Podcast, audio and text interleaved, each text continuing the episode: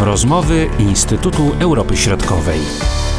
Witamy naszych słuchaczy w rozmowach Instytutu Europy Środkowej. Przed mikrofonami Marcin Superczyński i Łukasz Lewkowicz prosto z Bratysławy. Witam cię, Łukasz. Witam serdecznie i pozdrawiam ze stolicy Słowacji. Oczywiście twój pobyt nie jest przypadkowy, bo y, mieliśmy przedterminowe wybory parlamentarne właśnie na Słowacji. Przyznam szczerze, jak y, kładłem się spać w sobotę, to byłem zdumiony tymi pierwszymi e, wynikami, które napływały do nas, a mówiące o tym, że postępowa Słowacja wygrywa wybory, a drugie miejsce miał zająć e, Smer. E, Roberta Ficy. No ale jak rano się obudziłem w niedzielę, to okazało się, że wszystko wróciło do normy. Tak można było zakładać, że mniej więcej tego typu wyniki powinny być. Partia kierunek słowacka socjaldemokracja, tak jak wspomniałem, premiera Roberta Ficy y, zdobyła około 23% głosów, natomiast postępowa Słowacja około 18%. Co możemy powiedzieć o tych wynikach? No oczywiście pewne zaskoczenie stanowiły właśnie te exit pole robione dla telewizji Markiza tuż po zamknięciu lokali wyborczych i faktycznie tam y, największy wynik dostała progresywna Słowacja. Y, no ale jak już zaczęły spływać te e, cząstkowe wyniki wyborów z komisji wyborczych, już było wiadomo, że ten wynik się jednak nie utrzyma i oczywiście już rano, wczesnym rankiem e, mieliśmy te nowe wyniki, e, czyli jednak zdecydowane zwycięstwo Smeru, powrót do władzy po wielu latach przerwy. I tutaj jakichś wielkich zaskoczeń nie ma, prawda? Bo te wszystkie sondaże przedwyborcze z ostatnich tygodni pokazywały jednak, że zwycięstwem wyborów będzie na pewno Smer i na pewno na drugim miejscu będzie właśnie progresywna Słowacja. Oczywiście ukazywały się również takie sondaże, szczególnie w ostatnim tygodniu, które dawały niewielkie, niewielką przewagę E, progresywnej Słowacji, no ale ostatecznie jednak się okazało, że nie jest to prawda. Tak więc wydaje mi się, że tutaj jakiegoś wielkiego zaskoczenia nie było, aczkolwiek skala tej różnicy pomiędzy pierwszą a drugą partią jest jednak dosyć duża, a, ale z drugiej strony e, Smer nie ma na tyle dużego poparcia, żeby móc rządzić samodzielnie, tak więc szykują nam się długotrwałe E, debaty e, międzypartyjne na temat przyszłej koalicji rządowej. Tutaj Robert Fico już zapowiada, że to potrwa około dwóch tygodni. Zobaczymy, czy tyle, a może trzeba będzie y, więcej czasu. Dodajmy jeszcze, że trzecie miejsce zajął Chlas, y, czyli także socjaldemokratyczna partia, tam około 15%, czyli też y, można powiedzieć, że nie mało. I do parlamentu także dostała się partia Olano Igora e, Matowicza z 9% poparciem i także Słowacka Partia Narodowa ponownie wraca do parlamentu, podobnie jak Ruch Chrześcijańsko-Demokratyczny. Jak mogą wyglądać, czy też jak może wyglądać ta przyszła koalicja? W oparciu o kogo Robert Fico będzie chciał tworzyć tę koalicję? No, mamy siedem podmiotów, które weszły do parlamentu. To jest sześć partii, jedna koalicja, bo Olano startowało tym razem właśnie jako trzypartyjna koalicja, ale faktycznie e, Matowicz uzyskał całkiem niezły wynik. Wydaje się, że taki najbardziej prawdopodobny scenariusz powyborczy to jest rząd składający się ze Smeru, Chlasu i Słowackiej Partii Narodowej. Słowacka Partia Narodowa już współrządziła ze Smerem, tak więc mają pewne doświadczenia polityczne w tym zakresie. Chlas, y, który wcześniej raczej się dystansował od współpracy ze Smerem, przede wszystkim lider Peter Pellegrini, jednak w ostatnim czasie mówił, że taka koalicja jest możliwa. No jest to pewne ryzyko dla Petera Pellegriniego, bo pamiętajmy, że Chlas i jego politycy to są secesjoniści ze Smeru którzy po ostatnich wyborach i po y, przegranej rywalizacji między Pellegrinim a Fico odeszli z tamtej partii, utworzono y, własne stronnictwo, również lewicowe, czyli właściwie y, mające podobny elektorat.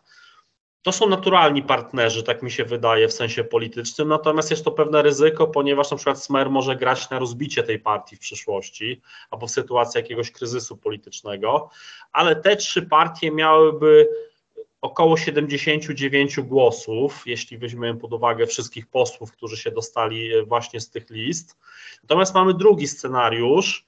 On jest w tym momencie trochę mniej prawdopodobny, ale no nie można niczego wykluczyć, prawda? Bo jeśli się na przykład Hlas ze Smerem nie dogadają, no to wtedy Hlas może rozmawiać z progresywną Słowacją, czyli progresywna Słowacja, Hlas, KDH, SAS, e, może Olano, aczkolwiek Matowicz jest traktowany jako taki polityk e, kontrowersyjny, z którym się raczej nie chce we współpracę wchodzić. E, taka koalicja też mogłaby istnieć. Ona byłaby również trudna z tego względu, że to są bardzo różne partie, liberalne, właśnie progresywne, mamy chadecję, prawda? Więc te programy też trzeba by było tutaj bardzo długo E, jakoś dogadywać, ustalać e, taką koalicję, ale nie jest to jakoś e, niemożliwe. No, skrajny scenariusz zakłada no, brak dogadania się pomiędzy tymi partiami i albo jakiś rodzaj rządu mniejszościowego, albo jakiś pad wyborczy, który by spowodował konieczność kolejnych wyborów przedterminowych. No, w tym momencie stawiam raczej na ten scenariusz numer jeden, Aczkolwiek no tutaj też są e, pewne jakby uwarunkowania, o których wspomniałem, między innymi, które mogą utrudnić e, te rozmowy. Tak więc być może uda się w dwa tygodnie te rozmowy e, przeprowadzić, dogadać, ale to nie jest takie pewne. No niewątpliwie taka trzypartyjna koalicja byłaby w miarę stabilna, a chyba Słowacja w tym momencie tej stabilności szuka. Czym się skończą te zapowiedzi Roberta Fico, te przedwyborcze, dotyczące y, między innymi y, stosunku państwa słowackiego y, do wojny na Ukrainie? Czy tutaj rzeczywiście będziemy świadkami tej zmiany, jeśli oczywiście zawiąże się ta koalicja w wariancie numer jeden, o którym wspomniałeś? No jeśli koalicję będzie tworzyła Słowacka Partia Narodowa, to e, tutaj te sympatie e, prorosyjskie ewidentnie występują. No i jak e, możesz to skomentować? No wydaje mi się, że Smer nie będzie się mógł wycofać z tej, z tej retoryki, która mówiła o tym, że Słowacja powinna przestać przekazywać uzbrojenie Ukrainie no, tu się też pojawiały często jakieś głosy dotyczące tego, że musimy dogadać się też z Rosją, czy po zakończeniu wojny powinno się powrócić do takiego strategicznego partnerstwa między Słowacją a Rosją. Wydaje mi się, że tutaj nie będzie się można z tego wycofać, bo wtedy Robert Fico, jego partia wyszłaby na taką niepoważną, która coś mówi innego w kampanii wyborczej, czy przez ostatnie kilka miesięcy, a co innego po przejęciu władzy. Z drugiej strony, będzie to rząd koalicyjny. I na przykład podejście Chlasu do polityki zagranicznej jest inne niż Smeru. Jest to partia, która jednak deklaruje i w programie, i w wypowiedziach samego Pellegriniego, że chce kontynuować pomoc polityczną, humanitarną i wojskową dla Kijowa. Więc tutaj pewnie dojdzie do jakichś e, rozmów czy, czy spięć ewentualnych, jeżeli chodzi o tą politykę zagraniczną bezpieczeństwa.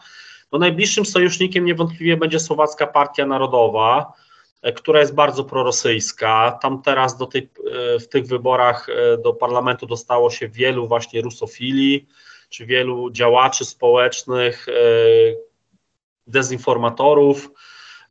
Tak więc tutaj pewnie będzie jakaś bliższa współpraca w tym zakresie polityki zagranicznej. Też pamiętajmy, że w poprzednich rządach Smeru SNS przejął Ministerstwo Obrony, czyli bardzo ważny e, resort. Być może będzie teraz tak samo, tego jeszcze nie wiemy, jakie będą ustalenia. No niewątpliwie można się spodziewać jakiejś zmiany polityki zagranicznej czy bezpieczeństwa właśnie względem e, Ukrainy, względem konfliktu rosyjsko-ukraińskiego, Rosji, także podejścia do NATO, może podejścia do Unii Europejskiej. Natomiast na ile to będzie istotna zmiana. No wydaje mi się, że taki rząd e, ze Smerem na czele na pewno nie wyjdzie z Unii Europejskiej, czy nie opuści NATO.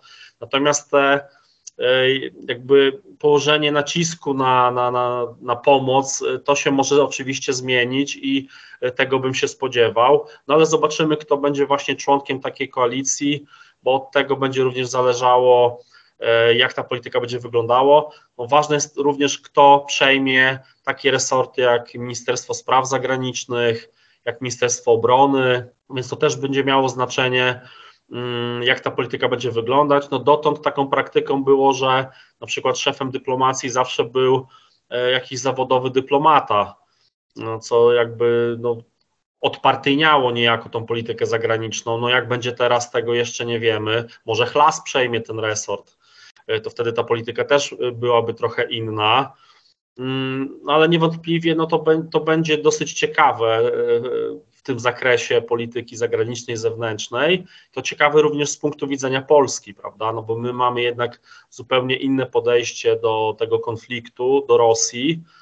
E, natomiast Słowacji pod rządami Smeru może być bliżej w tym zakresie do Węgier Viktora Orbana i takiej polityki neutralności wobec tego konfliktu. No to jeszcze mamy dużo znaków zapytania i musimy zaczekać e, trochę, żeby zobaczyć, e, co się będzie materializować i który z tych wariantów powyborczych będzie realizowany i jaka koalicja e, powstanie, jeśli oczywiście powstanie. Bardzo dziękuję za ten komentarz prosto z Bratysławy. Łukasz Lewkowicz, do usłyszenia. Pozdrawiam serdecznie.